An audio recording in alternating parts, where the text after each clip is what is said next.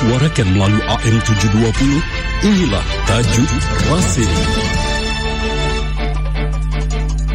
Tajuk Radio Silaturahim edisi Selasa 6 Ramadan 1444 Hijriah bertepatan dengan 28 Maret 2022 diberi judul teror Israel terhadap sepak bola Palestina dan absennya sanksi FIFA. Sebuah tulisan Pizarro Gozali Idrus, hidayatullah.com. Bagi kebanyakan orang, sepak bola merupakan olahraga hiburan yang bebas dinikmati siapa pun. Tapi di Palestina, sepak bola tidak sekedar menjadi pertandingan, tapi juga sasaran kekerasan dan teror dari penjajahan Israel. Ironisnya, tanah air Palestina bukanlah tempat yang tepat untuk mendapatkan keadilan FIFA masih belum hilang dari ingatan menjelang akhir Desember 2022 di saat dunia baru menikmati lambaian bendera Palestina oleh pemain Maroko di Qatar. Pasukan Israel menembak mati pesepak bola Palestina berusia 23 tahun, Ahmad Atef Darahgama Peristiwa itu terjadi saat pasukan penjajahan itu menyerang kota Nablus di wilayah pendudukan tepi barat. Daragama tewas oleh pasukan Israel ketika warga Palestina turun ke jalan untuk menghadapi serangan pemukim Yahudi yang dilindungi tentara di situs religi makam Nabi Yusuf. Daragama adalah seorang pemain sepak bola profesional yang bermain sebagai gelandang serang di klub Takafi Tul, uh, Tulkaram.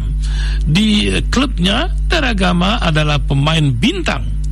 Ia menjadi pencetak gol terbanyak dari Takafi Tulkam di West Bank Premier Liga 2022-2023 dengan 6 gol. Merespon kejadian ini, Perdana Menteri Palestina Muhammad Satye meminta FIFA untuk mengutuk Israel atas tewasnya Daragama. Alih-alih ada tindakan tegas dari FIFA, badan sepak bola dunia itu tidak melakukan sanksi apa pun terhadap Israel. Jauh sebelum Daragama, legenda sepak bola Palestina Ahed Zakut juga tewas pada 2014 setempat setelah rudal Israel menghantam rumahnya di Gaza ketika dia tengah tertidur.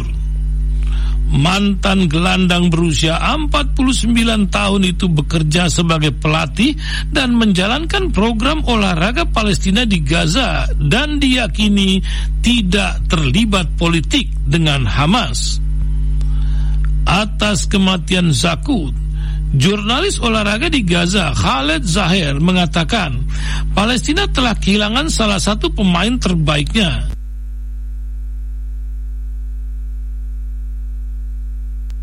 Israel menghantam rumahnya di Gaza ketika dia tengah tertidur. Mantan gelandang berusia 49 tahun itu bekerja sebagai pelatih dan menjalankan program olahraga Palestina di Gaza dan diyakini tidak terlibat politik dengan Hamas. Atas kematian Zakut, jurnalis olahraga di Gaza Khaled Zahir mengatakan Palestina telah kehilangan salah satu pemain terbaiknya hanya 15 pemain yang diizinkan melakukan perjalanan untuk melakoni laga kedua. Mereka yang dilarang termasuk seorang striker dan dua penjaga gawang. Mantan pelatih tim nasional Palestina Nuruddin Nurdin Aul Ali menuturkan nasib orang-orang di Palestina yang tidak dapat bebas bergerak mereka harus melalui pemeriksaan berlapis oleh pasukan Israel.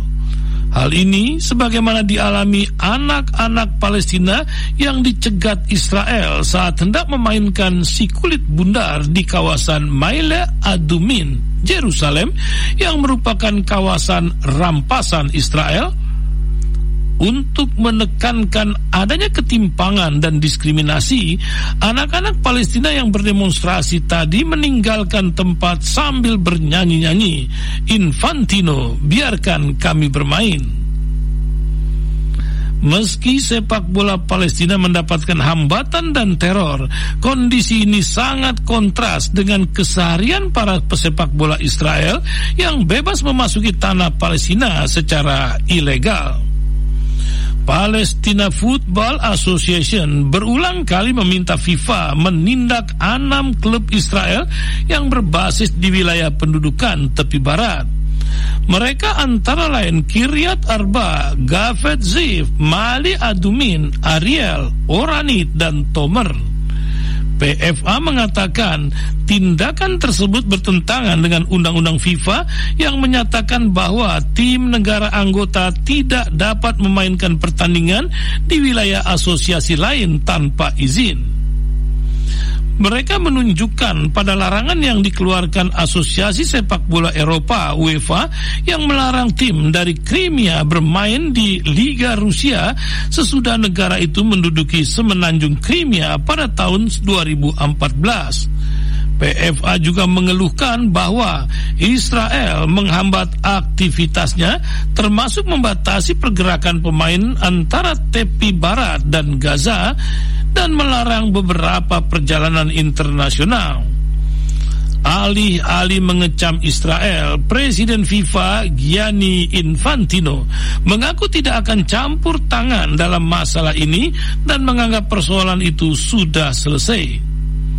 Sari Bashri, Direktur Hukum Rights Watch, Human Rights Watch yang untuk Israel dan Palestina mengatakan dengan penyelenggaraan pertandingan di tanah curian, FIFA ikut mengotori keindahan permainan sepak bola.